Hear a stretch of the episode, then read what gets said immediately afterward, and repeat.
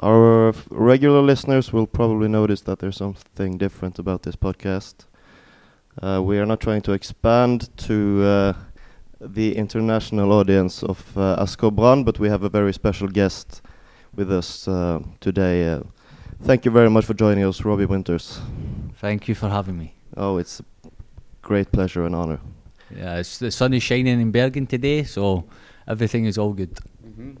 So how uh, how are Robbie Winters nowadays? Nowadays, yeah, I'm still still young at heart. Uh, yes, enjoying life, uh, positive in every aspect. Uh, I'm happy to be in Bergen uh, this weekend to come and watch Brann play, see how they, they are as a team, see the some old faces at the stadium, and yeah, happy days. Mm.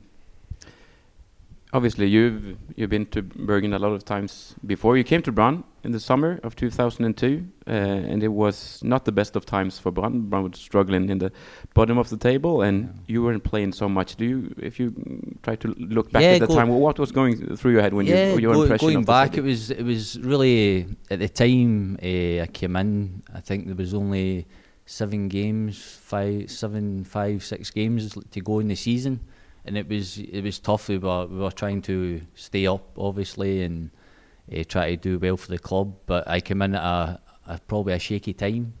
But at the at the time, Cato kind of sold the club to me because I was leaving Aberdeen at the time, and I had a couple of offers, uh, obviously back in the day. But at that time, Cato brought me over, put over, and introduced me to everybody in the club and immediately it was it was I, I wanted to play for the club, mm. and then t- towards the end of that season it was difficult in the difficult days, but I think uh, the rest of the time coming into the next season, uh, I was struggling to adapt to maybe. Mons was just get the manager's job as well, and it, it was a tough time. But at the end of the day, my record here is speaks for itself, mm. and I think and I know the amount of effort I put in for the team and stuff like that mm. kind of shined after all. You know?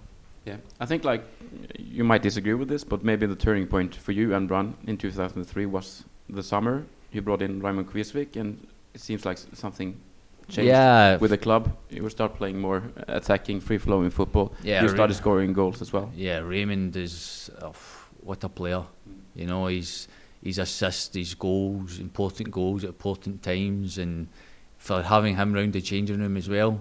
His English wasn't wasn't the best, but yeah, he's a he's a funny guy yeah. and a character, and having players like that who produce in vital moments and vital goals and vital chances, and to have him in the team and stuff like that was fantastic. And. I think 2003, you could see the potential at that time where Brann could be, or bringing back to the the times where you're you're winning trophies and stuff like that is as, as, as, as a supporter, you want to come to and watch this, come to the stadium, watch players like that. Mm. So it gets people in the door as well. Yeah. And there were obviously more to come. 2004, a great season for both Brann and you personally. Yeah, it's an unbelievable season. It's the the amount of uh, team spirit we had. The team spirit. Every every when I got to the club with the start, you look at the stadium outside now. Oh my God! It's like a bowling green. You you come to the stadium, and eh, it's perfect. To play today, I want to put my boots on the now and go out and score a couple of goals and celebrate. But it's it's it's things that you you want teams to come down the hill, coming down the hill and look at the stadium and be have that fear in their eyes that they're they're not going to win because Brann Stadium is the place to be. And that back in the day, it was like that when we played you you're always winning your home games. Your home games, three points, that's it. And then to be successful, you obviously have to get points away from home and uh, do a job there. And that's the job for the manager to pick the right team and to do everything positive and everything. So, but the home games are important. And that in 2004, the home games were mm. incredible. Yeah, and also going back to 2004, you were linked up with uh, one of you, you, had you had some great partnerships when you were playing in, yeah. in Brann, but uh, maybe one of the most successful one were you playing alongside Bengt Sæternes, yes. the strong physical oh, Bengt. strong, physical, a monster, Yeah. a monster. And you were running on, in Yeah. between the lines. Yes, but Bengt is woof. He's just looking at the man. He's a, a goddess, but he has the, the calves of a monster. Unbelievable legs. But yeah, he's um, he was fantastic player. Strong, could score a goal, uh, hold the ball up for you, and it's good to have that dynamic in the team where one one is maybe a bit quicker than the other and trying to run off flicks and trying to get the end of balls while he is a, a predator and can hold the ball in. So it's good to have that. And when Torstein came as well, and then you have who's a clip. eh, Oh, Mons, Mons must have had a sore head at times pick, picking the team and stuff. Yeah, it was quite a team at that time. It it it, was looking back, it, it was almost unreal. Uh, the, the the amount of talent uh, of those years, uh, especially with the decade we've had since, where we have had some less talented players and teams, and and uh, and. Uh, uh, I, I was wondering, um, uh, who was your favorite uh, teammate? Who's favourite? yeah. Oh, at that time, I remember uh, back back in the day. I, I think Per-Ove and Cato they were talking about bringing Charlie Miller to the club, Mm. right? So I I didn't know Charlie personally at that time, but I had the same agent. So Per-Ove saying right, Charlie's going to come. How do you think he will fit into the team and stuff like that? I was like, if there's a chance that you could sign Charlie, sign him because he is a fantastic footballer. Mm. He is the his brain is fantastic. His ability is unbelievable. But he's like Mon says, go. Uh, Perot says, go up and pick up Charlie from the airport. So I got up there. I I think we were, we were training or something like that, and he arrived a wee bit early. And I went up to the. It, it was by that time he was in the hotel. I went up to the hotel and. Cato was saying he's been training, he's fit, he's he's healthy and stuff like that. He's looking forward to coming over to introduce you to the team and hopefully we can sign him. I'm like, okay, good, good, good. Went up to the hotel. Charlie's sitting with a fag and a and a pint of lager, and I'm like, "What are you doing?" I was like, "You can't do that here." Uh, It was the funniest thing ever. But yeah, Charlie Miller is probably number one, obviously, and he's still a good friend to this day. And he's fantastic to play with. Fantastic. Raymond, he's probably the, the Scottish Raymond.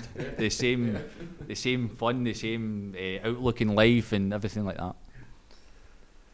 Uh, yeah, I've, I remember the, uh, when when those um, guys played at the same team for for a, a while. It was not much running in, in the midfield, but it was it was fun to uh, look Yeah, at. that's, uh, that's when that's when you've got Paul Scharner. Scharner done the- done all the dirty work. Yeah. Yeah, and I, I remember back in the, back in the day, uh, we were training. We went out to train. Pa- Paul Scharner is got one of the one of the bodies that you you die for. He's not not a bit of fat on him. No fat, Mm. zero, Mhm. just toned to the max. And we were we were going out to train. And sometimes, you- like you would carry on just to just to start training. So I decided to crawl behind him on all fours, and I think Charlie pushed him over me, and he fell. And for the next for the next four minutes, he chased me round the training field, and I was like, I was knackered. I was like, I need to take a beating here. So he, he eventually he doesn't stop. So I was like, oh my god, he's going to catch me. Hmm. But he, yeah, he caught me and Yeah. gave me a wee punch. But yeah, it was good times, good Yeah. times. He was a great player as well. Yeah, he's- Extremely talented. yeah, and he went into he went to England and had uh, success, but we would we would occasionally go out for a beer Yeah. and stuff like that in Bergen and stuff like, and have a good time and stuff like that. But he came out one one one time and he's he's a his sense of humour's like I, I would say maybe a wee bit dry, but mm. he is a fantastic boy, fantastic. Mm. But we're all like, would you want first time you came out? Do you want do you want a beer? You mm. want a beer? No, whiskey. what? Straight on the whiskey. Okay. A man.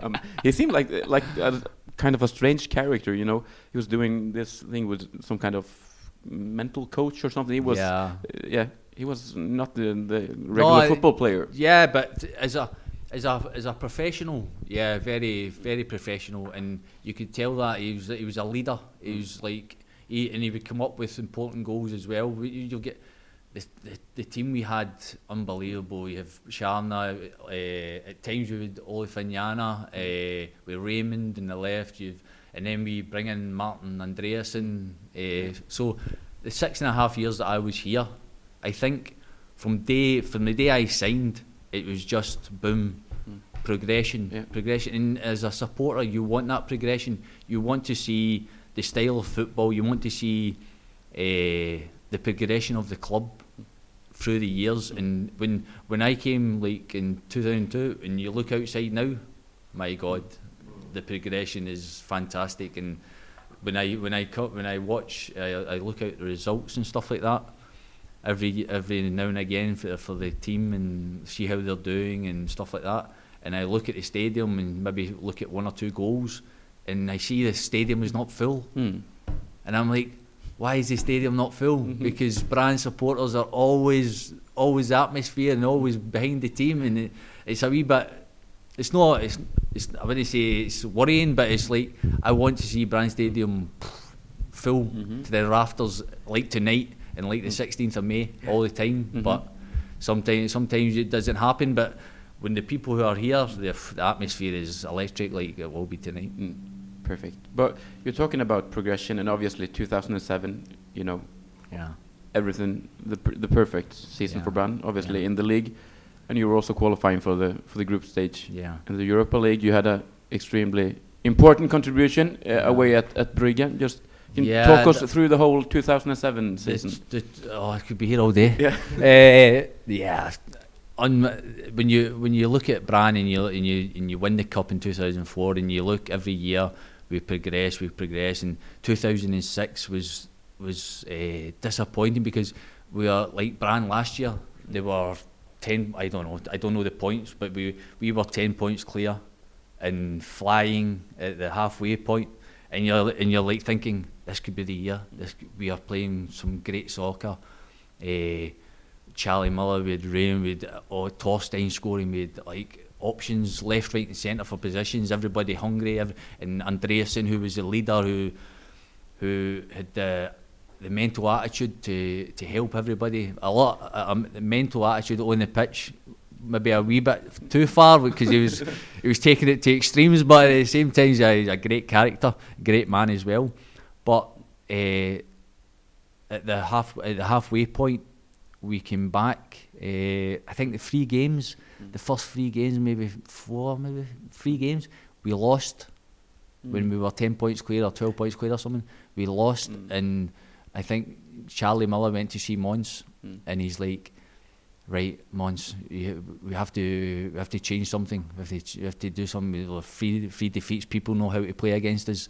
Uh, we have to and I think the next game Charlie was sitting on the bench. Someone So didn't like that. Charlie's like, I didn't mean change me. so in, in 2007, everything went well, and it was a shame Charlie wasn't here for for that. And I think it's it's probably a small regret that he wasn't here because he, he deserved it for his talent and for what he gave to the club and stuff like that.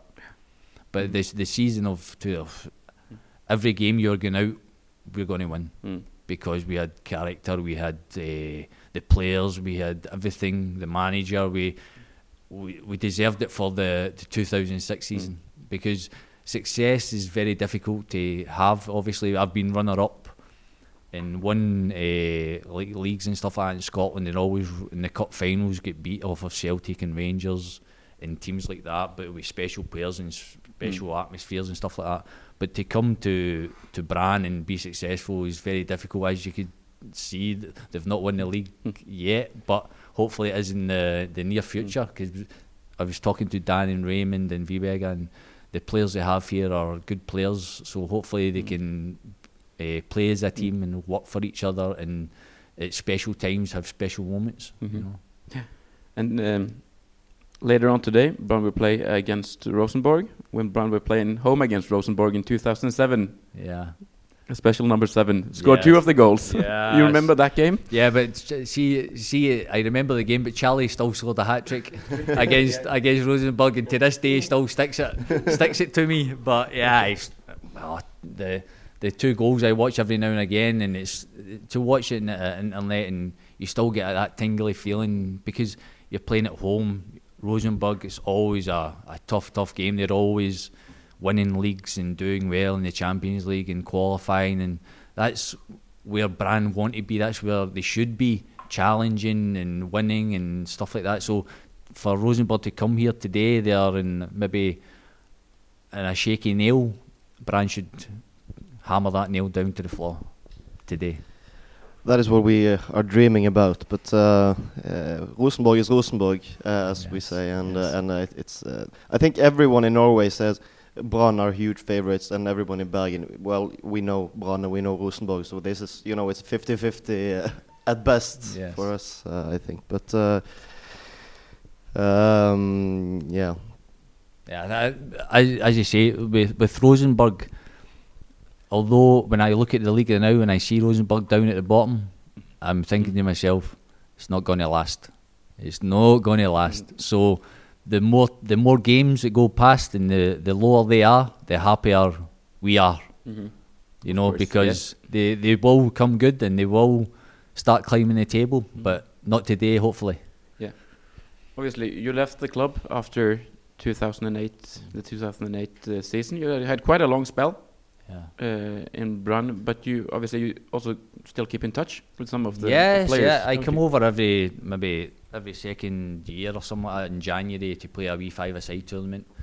Uh, I keep in touch with Jan Gunnar, uh, Kato, Alan, uh, Thomas Loon, and Calvin S. And yeah, I, I still follow them on Facebook, talk to them, and a wee chat every now and again. It's good to keep in touch with friends, and when I come back and seeing Raymond and Dan, and hopefully I see Azar and Håkon later on. So it's it's good to it's good to have that and uh, every now and again to fly over and meet and see the fans and.